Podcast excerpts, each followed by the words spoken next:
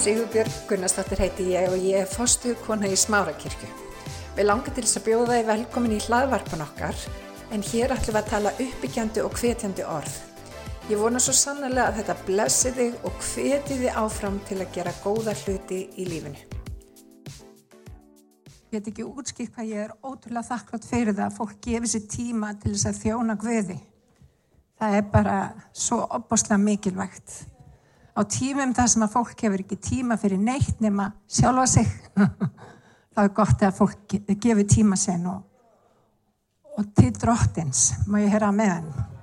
Amen. En við ætlum að fara í orðið og ég ætla bara að tala svolítið bara frá hjarta mín í dag svona ymsar huglengar sem er búin að vera svona, svona þú veist, að gerjast í mér síðustu daga og hérna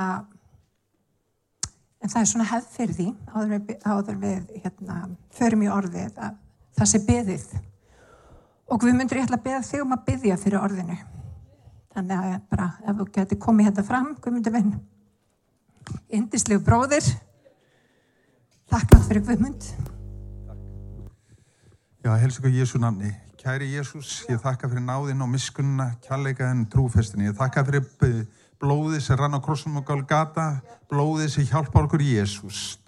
Blóðið sem þvær syndir okkur drótti minn, blóðið sem við eigum að nota. Þú gafst okkur til þess að nota Jésús. Ég byrð fyrir orðinu, ég byrð að blessa sippi dróttin og ég byrð fyrir þessu lifandi orðið að vera lifandi hjarta okkur drótti minn, að vera þvegi í blóðið þínu Jésús það með vera verkandi þegar við förum hérna út drótti minn, dag frá degi mínúti frá mínúti, klukkustund frá klukkustund dróttin og þú gefur okkur kraft og styrk til að standa Jésús á þínu, þínu lífi Jésús. Í Jésu namni, Amen. Amen. Og mér langar til að tala um nákvæmlega þetta. Hvað er blessun? Fór aðeins inn á þetta um daginn uh, varandi fyrirgefninguna og veist, við eigum að elska óvinn okkar og við eigum að blessa þá bara, þú veist hvað er blessun og ég var að tala við vini mína í síðustu viku bara indislegt trúa fólk og við vorum með mitt að tala um þetta blessun, það er eitthvað rosa skrítið samtina okay. og og ég held að við mannfólkið skilgreinu blessun aðeins öðruvísi en Guð skilgreinu blessun. Skum bara byrja þar. Við sjáum fyrir okkur bara drottin, viltu gefa mig pening, hjálpa mér að vinna í lottói og það er blessun. Þið veitir, veist, bara eitthvað svona áþreifanlega blessun. Og jú, vissulega geta peninga verið blessun, ég er ekkert að tala móti peningum, en ótímabær blessun er í rauninni bölfun. Og biblían sínir þetta okkur trekk í trekk í trekk. Guð hefur nefnilega áhuga á að blessa líf okkar og frum bóðum Guðs þegar hann skapaði mann var farð út og markfaldið ykkur. Þannig að það eru þessi markfaldunar áhrif, er, það er bara Guðlegt. Við eigum að, að bera mikinn ávöxt. Og við okkur á að vegna vel. Það er bara, það, það er bara klártmál þannig, við okkur á að vegna vel. Og það sem kannski skiptir mestu máli í þessu samengi er að sál okkar vegni vel. Að við séum andlegt fólk. Og drottin er mjög mikið fyrir það að bless okkur með alls konar kringumstæðum sem ger það verkum að við þroskumst og getum þá betur tekist á við þá blessun sem hann hefur fyrir okkur. Og við vorum einmitt að tala um þetta veist, ég og þetta vinafólk okkar að við allir og vinafólk okkar. Og við vorum einmitt að tala um varandi bara fjáraslega blessun. Og hérna okkur reyði bara ákveðlega fjáraslega, mér og alla en það er út af því að þegar ég var ung að þá klæsti ég bíli minn. Og hann var ekki kaskotröður mjög dýrmæð leksja fyrir mig. Ég þurfti að taka lán. Og, og það var þannig að ég, veist, það bara tók mér nokkur ár. Og þegar ég og allir giftum okkur þá byrjuðum við á því að greiða niður minn yfirdrátt. Mjög andli predikun. Því, því komist það við á eftir. Ég er að tala um yfirdráttir í dag en það sem að gerist er það að ég einsett mér og kom mér aldrei aftur í þessa stöðu aftur. Og hérna svo var ég hérna deildastur í Vodafone og fór að vinna í banka, deildastur þar líka. Og svo fór ég hérna hingað, svona eðlilegt framhald. Nei, ég segi svona, en það sem að gera það verkum er, sko, ég sá svo mikið af fólki sem að bara var að gangi gegnum erfiða tíma út af því að það hefði tekið rángar ákvarðanir, skilji. Fólk sem var kannski búin að skuldsetja upp, upp, upp yfir jáfur og við Íslendingar erum opaslega mikið þannig, við þurfum að læra svolítið betur í reynslu því meður. Og Jésu, veist, drotting Guð, hann hefur svo mikið áhuga okkur og hann vil blessa líf okkar. En hann vil blessa það með tvennskonarhætti. Og þess vegna skiptir opaslega miklu máli, vinnir, að við tökum allri blessun sem að Guð vil fyrir okkur, hvað sem hún er óþægilega, þægileg, og við lærum af henni. Og mér langar til þess að fara í nokkur punta sem að kannski staðfesta aðeins það sem ég er búin að vera að segja núna. Og fyrst og síðast er kannski þetta, við eigum að bera mikinn ávöxt. En hvernig berum við ávöxt? Og í biblíunni þá er talað mjög mikið um okkur sem andlið tré. Við erum sem andlið tré. Og við sjáum þessi stæðu fallugu tré, mestmægnis erlendis, út af þau eru fá hérna á Íslandi sem eru stór og mikil. En þessi stæðilegu tré, þess eru alveg bara ótrúlega fallega oft á tíðum, standa hátt og, og, og, og gríðarlega, veist, umfangsmikil oft á tíðum. En það sem við sjáum ekki, það eru ræturnar sem að fara niður. Og tré verður aldrei stöndugt nýja stæðilegt nema rætur fari niður. Og ég vil meina það að það sem mynd fyrir okkur í dag og það hefur með karakter. Við vitum að tré vex á nætunar. Við vitum það að við getum í rauninni ekki vaksið í drotni nema við sem reynd. Sannleikurinn, alltaf þegar sannleikurinn fer út, þá mætir hann mótstöðu. Þú stækkar ekki vöðva nema að lifta þungu. Það þarf að vera mótstað. Þú ert ekki að fara að verða betri eða sterkari nema að mæta mótstöðu. Það þarf alltaf að testa það orð sem að, sem að Guð hefur gefið þér. Það er bara hluti af því að þroskast í Guði. Stigvaksandi nefnilega. Uh, annað sem að fólk átta sig ekki á ofta tíðum er þetta. Ræturnar fara niður í storminum. Þegar vindur blæs þá fara rætur neðar. Það er í rauninni leið trésins að halda velli. Þannig fara ræturna niður. Og oft á tíðum eru við sem kristi fólk, við erum alltaf að byggja Guðum blessun innan gæsalapa. Blessun. Og ég veit ekki hvað svo oft ég hef lesið um að fólk sem hef einmitt vinnur í lottóinu eða eitthvað, eitthvað slíkt og nokkur mánu setna þá við komum þetta ekki aldrei á það. Er út af því að ótímabæð blessun er bara engin blessun. Ef þú ert ekki með karakter sem veldur blessun Guðs, þá er blessun ekki blessun. Og vinir, þetta er líkil atriði. Að leifa Guði að eiga við karakterin okkar. Ekki vera bara eins og lauf í vindi eitt í dag, annað á morgun. Hérna í dag, farin á morgun. Og vinir, hann hefur svo mikinn áhuga á þessu og ég ætla að nefna eitt dæmi. Þegar börnum ég voru 10-11 ára þá var mikið talað um bílpróf heima. Hefði ég verið góð móður, hefði ég bara látið fór liklan á bílnum mínum á þeim tímapunkt og sagt Þetta er blessun, veginnir eru tilbúinir, það er allt tilbúið fyrir þig, farið bara út og gera þitt. Trottin bliðti. Nei, það væri ótímabær blessun.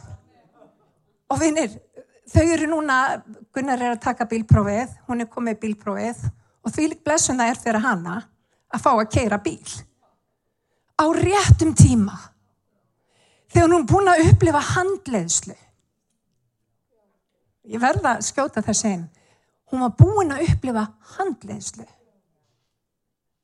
Og við erum svo oft þannig að við erum svo langt á undan drottni Við erum ekki tilbúin fyrir neina handleyslu sem gerir það verkum að við erum ekki tilbúin fyrir það sem við viljum gefa okkur. Handleysla-vinnir. Að leifa öðrum til að mynda að hafa áhrif á lífsgöngun okkar. Út í bandaríkjum er þetta velþægt, fólk sem er til dæmis ferinn í Fortune 500 fyrirtækin. Þetta er allt fólk sem er, fær sér eitthvað svona mentor. Og vinir, við vitum það að Jésu er að sjálfsög okkar mentor. Við höfum að leita til hans, við höfum að spegla okkur í því sem hann segir og við höfum að læra því sem hann hefur fyrir framan okkur.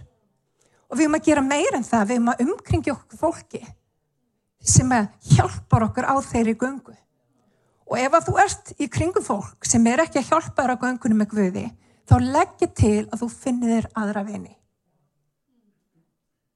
Þetta hljómar hart, en þetta er svona. Og ég verð bara að segja sannleikan alveg umbúðarlaust út af við förum stundum eins og köttur í kringum heitan gröð. Hver, það skiptir máli hverja þú ert með í þínum einstarring. Það bara skiptir öllu máli. Og Guð gefa okkur náð og ég hef lært þetta svolítið að betur reynslu. Guð gefa okkur náð til þess að velja rétt. En eins og ég sagði okkur áðan frá að þá, hérna, við vorum að ræða þetta við vina hjón okkar. Svo vorum við í bíltúr í gær og við ákomum að skella á bara Markus að Guðspjalli og við fórum að hlusta og við fórum að hlusta á og með dætt í huga að tengja veist, það sem að Jésús segir við læri sinna sína inn í þessa breytingun og ég ætla að byrja að lesa hérna í Markus og Guðspjalli í fjóraða kabla og ég veit þetta virkar mjög mikið 1-20 en það verður bara að hafa það. Aftur tók Jésu að kenna við vatnið. Svo mikill mannfjöldi sapnaðist að honum og hann var að stíga í bát og sitja þar út á vatninu en allt fólki var á landi við vatnið Hann kendi því margt í dæmisum og sagði við það, hlýðið á. Sáðmaður gekk út og sá og þá er hann sáði fjall sumt hjá götunni. Fugglar komu og átti það upp. Sumt fjall í grítajörð þar sem það var lítill jarfiður og það rann skjótt upp því það hafði ekki djúpa jörð. En sól hækkaði, vissnaði það sögum þess að það hafði ekki rótfestu og skrælnaði það. Og sumt fjall á meðal þyrna og þyrnarnir uksu og kæfði það. Og það bar ekki ávöxt. En sumt vinnir, sumt sumt fjall í góðajörð kom upp, ógs og bar ávöxt. Það ógs og bar ávöxt. Það gaf þrítufaldan sextufaldan og hundrafaldan ávöxt. Og hann saði hver sem eira hefur hann heyri hann heyri Og svo kemur aðeins neðar merking dæmisögunar og Jésús sagði við læri senna þið skiljið eigið þessa dæmisögun. Hann til dæmis talaði ekki eins og köttur í kringum heitan graut um málefnin. Hann var bara, þið er svo vittlusir. hann, hann sagði bara sannlegan, þú veist, og hérna, og mér veist, ríkala oft fyndið, þetta eru aðeila sem er búin að ganga með Jésu alveg bara í jafnvel 2-3 ár á þessum tímpunkti það, það tók í rauninni langan tíma fyrir það að skilja hlutina. En þá kemur heilaður andi og hann hjálpar okkur. Þannig að lesum áfram og Jésús sagði við læri sinna þið skilja ekki þessa dæmisögu. Hvernig fáið þið þá skilið nokkra dæmisögu? Sáðmaðurinn sáir orðinu. Það þjá götunni, þar sem orðinu er sáð, merkið þá sem heyra, en Satan kemur í apskjótt og tekur burt orðið sem í þá var sáð og þetta hefur maður oftar en ekki tekið eftir. Einn stað sem sáð var í grítajörð, það merkir þá sem taka orðinu með fögnuði um leið og þeir heyra það, en þeir hafa enga rótvestu. Þeim vantar allan grunn, þeim vantar alla rætur, vinnir. Þeir hafa enga rótvestu, þeir eru kvikulir og þegar þrenging verður, og vinnir, það verður þrenging. Það munu allir í þessu lífi upplefa einhvers konar þrengingu. Og þá er svo mikilvægt að eiga þessa rætur að leifa Guði að eiga við karakterin okkar að eiga ræturnar. Öðru, já, hvert var ég komið þeir eru kvikulir og þegar þrenging verður eða ofsóknir vegna orsins bræðast þeir þegar. Þetta er alvarlegt. Vinir, við erum að upplega tíma það sem er mikil ofsókn gagvart orðið Guðs. Og við þurfum sterk bein til að standast standa á sannleikanum. Og svo höldum við áfram. Öðru var sáð meðal þeirna það merkir þá sem heyra orðið en áhyggjur heimsins tál auðamanna og aðrar gindir koma til og kefja orðið svo það ber engan ávöxt hitt sem sáð var í góða jörð merkir þá sem heyra orðið taka við því og vinir það er líkilatri taka við því og bera þrítufaldan sextufaldan og hundrafaldan ávöxt. Þannig að það er eitthvað við það, við þetta fólk sem að tekur við því, sem að gjör breytur öllu.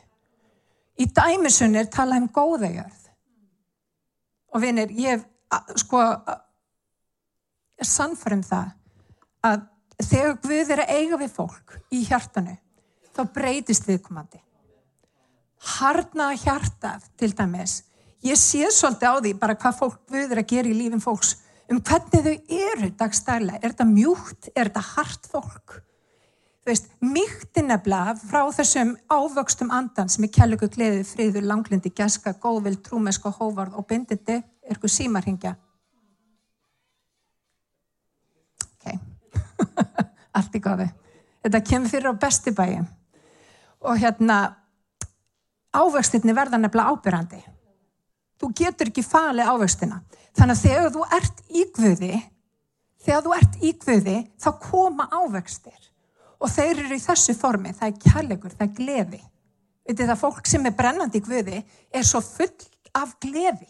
Það er bara frjálst, það er óháð, það er glatt, það er auðvelt að fara og byggja viðkomandi um aðstóði eitthvað slíkt. Þetta er, þetta er öðruvísi fólk. Það ofur ábyrhandi. Vinnir, En þetta kemur ekki bara út af engu. Þetta kemur þegar Guð fær að hafa áhrif á hjartað okkar. Hann fær að hafa áhrif á karakterin okkar. Hann fær að hafa áhrif á það hvernig við lifum lífin okkar. Og vinir, þar þurfum við að taka svolítið til okkar út af því við, um, við erum með kristindómi bara svona að, ah, þú veist, þú þart ekki að gera neitt, þú þart ekki að, þú veist, bara verðu eitthvað neginn. Það er ekki alveg þannig. Það er ekki þannig. Vinir, við opnum dyrnar að hjart okkar, við þurfum alltaf að taka skref á móti Guði og þá tekur hann skref á móti okkur.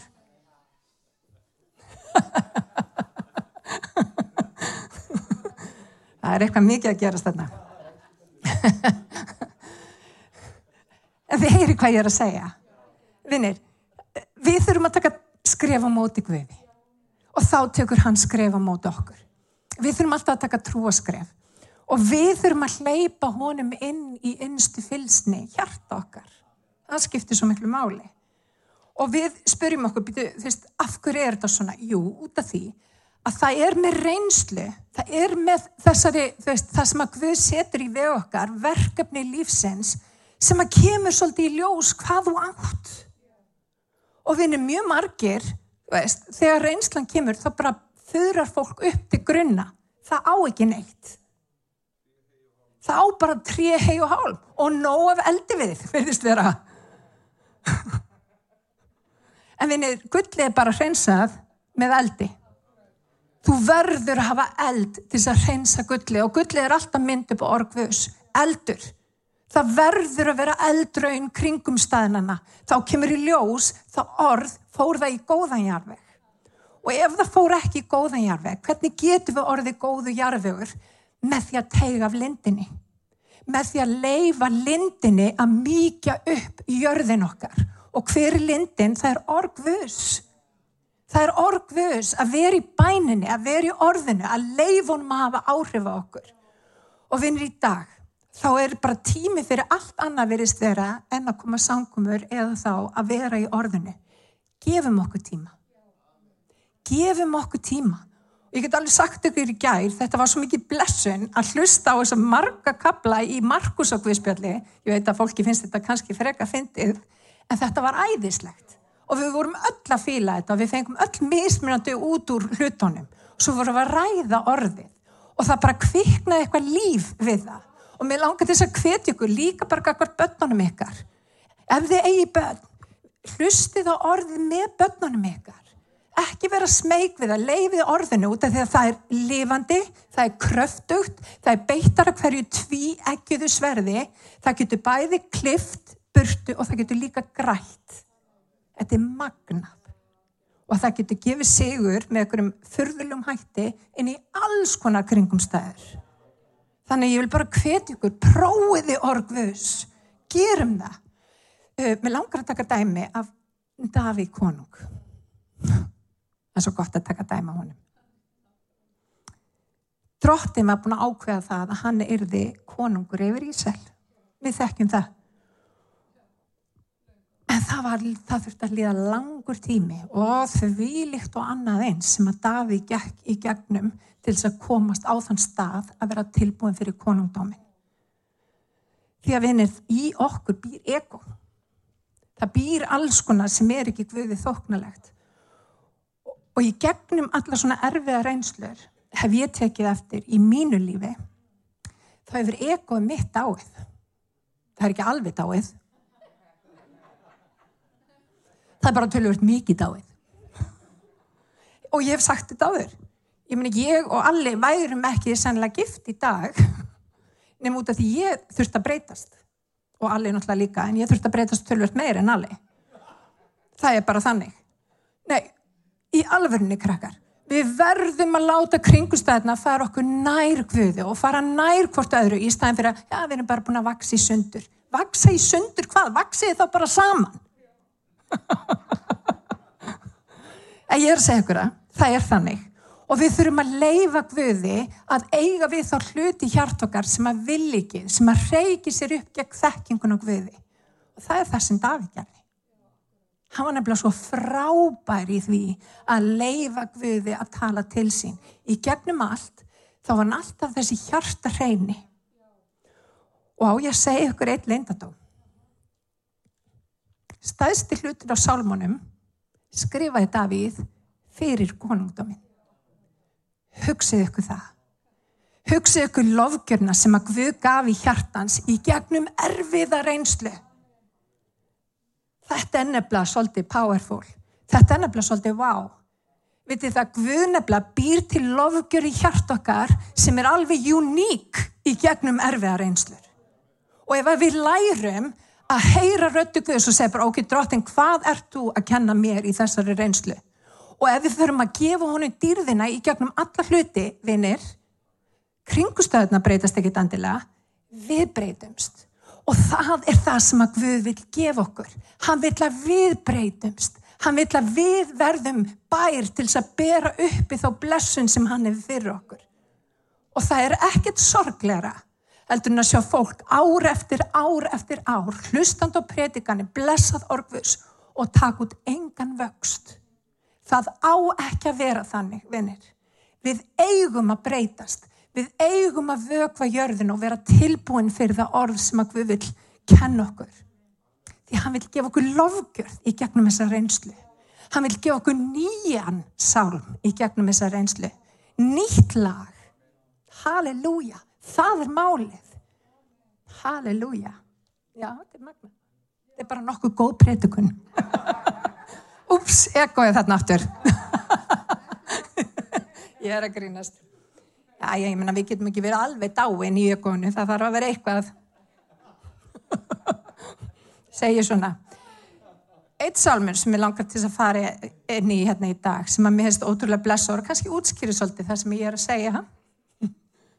Það sem orgvus er að segja. Og það er hérna í sálmi 1 og það, það er svoleið sætli sá sem eigi fyrir að ráðum óguðleira eigi gengur gutu syndarinn og eigi situr meðal þeirra sem hafa guð að háði. Það er eiginlega þýðingin sem ég vil undistrykka við vorum í bíl einu sinni. Ég, Jóhanna, Alli og fleiri. Og það var aðil í bílnum sem hafi Guð að háði. Not in my car. Þetta er ekki bóði.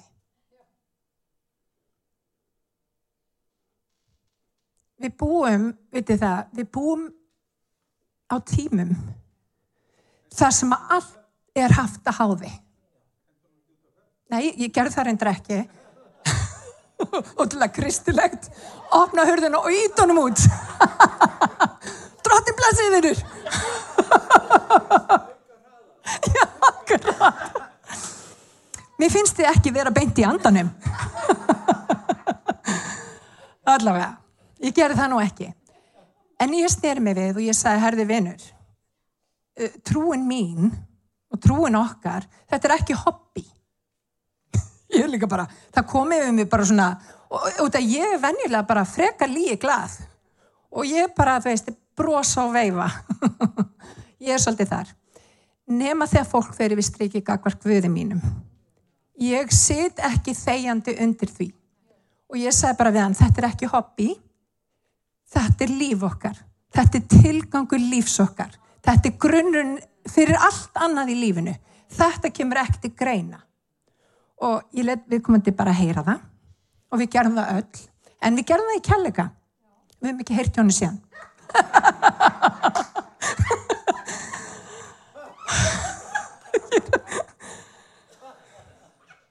ég er að grínast. Við heyrðum alveg í honum eftir þetta. Nei, vitið það? Nú er þetta komið út í eitthvað rugg þessi predikun. Nei, vitið það, ég ætla að reynda að breyta þessu. Ha, hann tóku sér bara nokkuð vel. Hann tóku sér bara vel. Ég held að hann hafi virta að ég svaraði honum. Og ég var ekkert, veist, það var engin meðvirkni aðna. Ég bara svaraði honum. Og ég sagði bara, herðu, fyrirgjöðu, við getum rætt alls konar hluti, en þú ræðir ekki um guðleg mál með þessum hætti. Og ég var alveg þarna. Var það ekki, hona var ég ekki bara mjög? Jó, hana var hrætt. Það reynda rosalega lítið til þess að gera Jónu rætta. Erði, við ætlum að halda áfram með predikunna.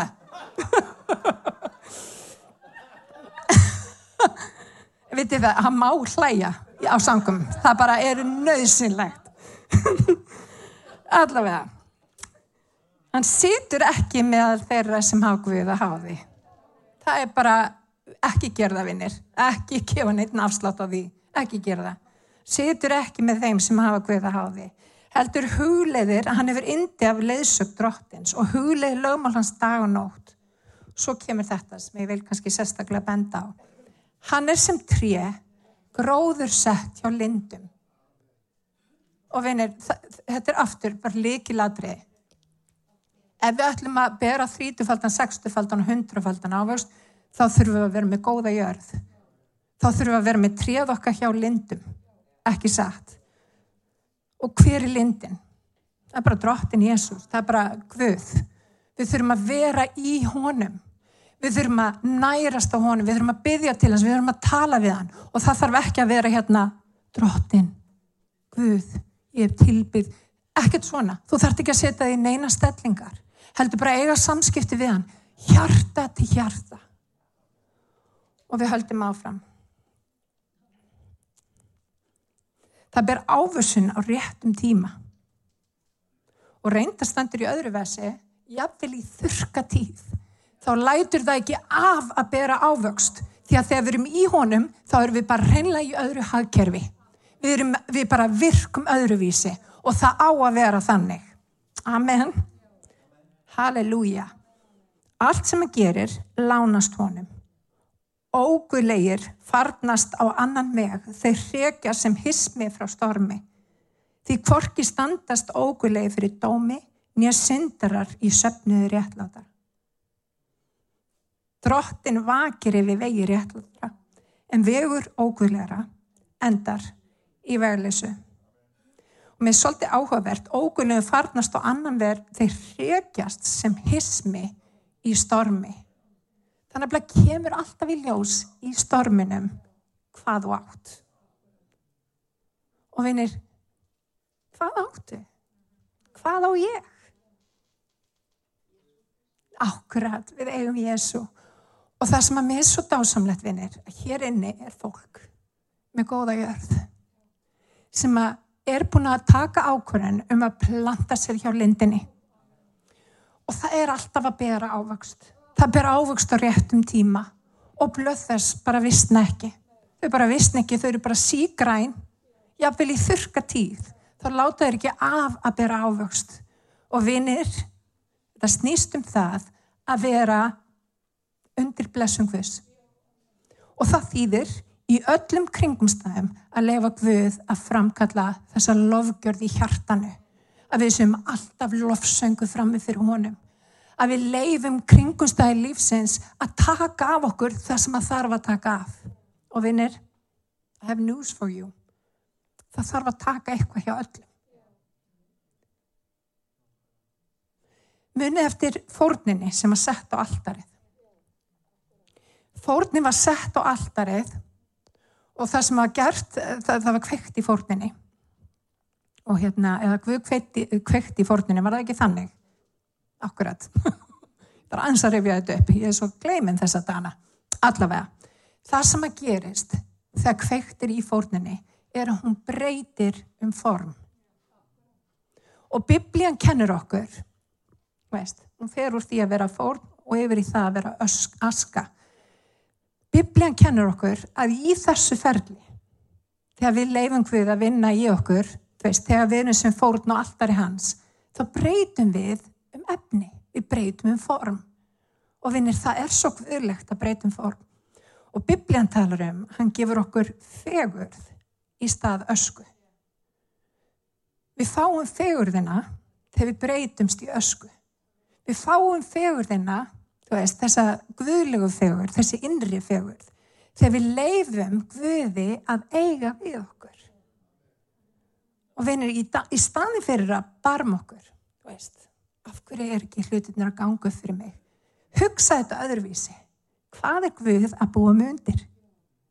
Spennandi. Okkur er treystir Guð með fyrir þessum kringumstæðum.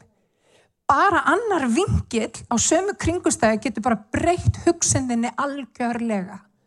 Vinni, við fáum öll verkefni. Við fáum öll verkefni. Í staðin fyrir að barma okkur yfir verkefninu, liftum höndindi drottins og þökkum honum fyrir þá vegferð sem hann er með okkur á því hann þráir að þú berir ríkulegan ávöxt. Halleluja. Má ég heyra amen? Halleluja. Langar að koma eitt dæma lókum, varandi svona ótímabæra lesun. Muni eftir tíndasinnum. Hann bað pappa sinn um arfinn sinn. Pappans var ekki eins og dáinn. Það er svolítið skrítið að byggja um arfinn sinn löngu fyrir tíman. Ekki það, hann átt alveg arfinn. Hann átt, hann eftir, átt eftir að fá hann, hann bara ótímabær. Og það sem að gerist, vinnir, þegar við byggjum um hluti fyrirfram og við erum ekki tilbúin fyrir það, að þá gerist eins og gerist með aðilan í þessari sögu. Hann hverfi burt frá pappa sinn það sem að Guð þráir þegar hann setur okkur í kringustæður til þess að undirbú okkur fyrir þá blessun fyrir þann arf sem hann hefur fyrir okkur er ymmið þetta að draga okkur nær hjarta sínu. Og þarna í þessari sögu að þá fer, fer, fer tindi sonurinn hann fer burt Og við þekkjum söguna, hann var eins og þeir sem að vinna stundum í, í lottó. Hann var eða alveg gjaldrönd og endar hann hjá svínunum, borðandi svínadraf. Og er það ekki oft hannig að þegar við erum ekki tilbúin fyrir eitthvað sem að við hefur fyrir okkur og ef við erum ekki undir það búin, þá er það ekki blessun. En það sem að minnst líka svo stórkoslegt í sögunni að þegar hann kom til sjálfsins, pappin nefnilega beigð eftir honum og vitið það Guð okkur á heimnum er þannig að hann býður eftir okkur. Hann leitar eftir því að þú komi til hans. Hann þráir samfélag við þig. Og hann er þessi lind, veist, ég get bara ímynda mér, hann er alltaf bara, ó, konti bara til mín, lefðu mér að næra þig. Og vinnir í dag, í staðin fyrir að vera einhvern veginn í einhverju stresskasti eins og ég stundum, ég verð stundum svolítið stressuð, reyndar aðeins búin að lagast þar, sem betur fer, það þurft að lagast þá er ég stundum að kæfa þá orð sem að við erum búin að gefa út að ég bara, þú veist, að stendur hérna. Það, við getum með streitu, með þannig við þóra til lífsins, kæft orðið sem að við hefur fyrir okkur. Og ég vil ekki vera þessi manneski heldur. Ég, meni, ég, ég veit ekki hversu oft og hversu lengi með til dæmis hveið fyrir því að koma upp og predika orðið. Þú veist. reyndar er talað um að það er bara flestir kjósa helst að deyja frekar heldur en að, að vera með public speaking. Það er, það er ofar á listanum heldur yfir það að deyja, geti ímyndið ykkur. Og þú veist, Guð þurft að eiga við þetta í mínu hjarta. Og vinir, þegar Guð er að eiga við hluti hjart okkar, hörfum ekki tilbaka, hörfum til hans, förum til hans, leifum honum að eiga við óryggið í hjart okkar, eiga við það sem að þarf að eiga við í hjart okkar. Og þetta snýst ekkit um neina, þú veist, að vera eitthvað snillingur í okkur, þetta snýst um að gera vilja Guðs.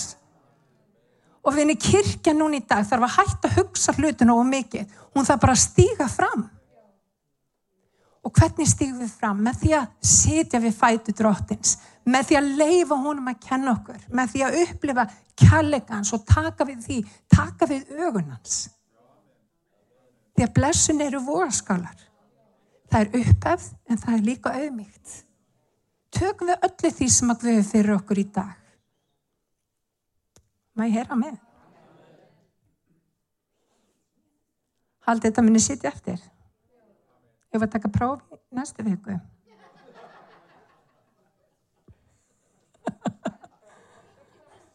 Nei, það verður engin næsta sunnudag, akkurat. Þú alveg engin próf. En aftur, veitir það, ég, ég bara finna að við erum að gera eitthvað alveg stórkoslegt. Að, það er eitthvað nýtt í farvatninu, ég bara finna. Og þess vegna kannski hef ég verið að upplega svo mikla sko, mótstöðu. En líka í því, þá hef ég hugsað í vikunum, wow, drottin, hvað er þetta að gera? Af hverju er svona mikil mótstað? Því meiri sannleikur, því meiri mótstað. Það helst í hendur. Þannig að leifum Guði að eiga við það sem að þarf að eiga við í líf okkar. Gefumst honum bara.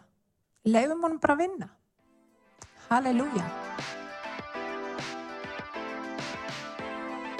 Ég hveti til þess að stilla inn á okkur með reglum hætti því að hér verður alltaf eitthvað nýtt á nálinni. Takk fyrir að hlusta.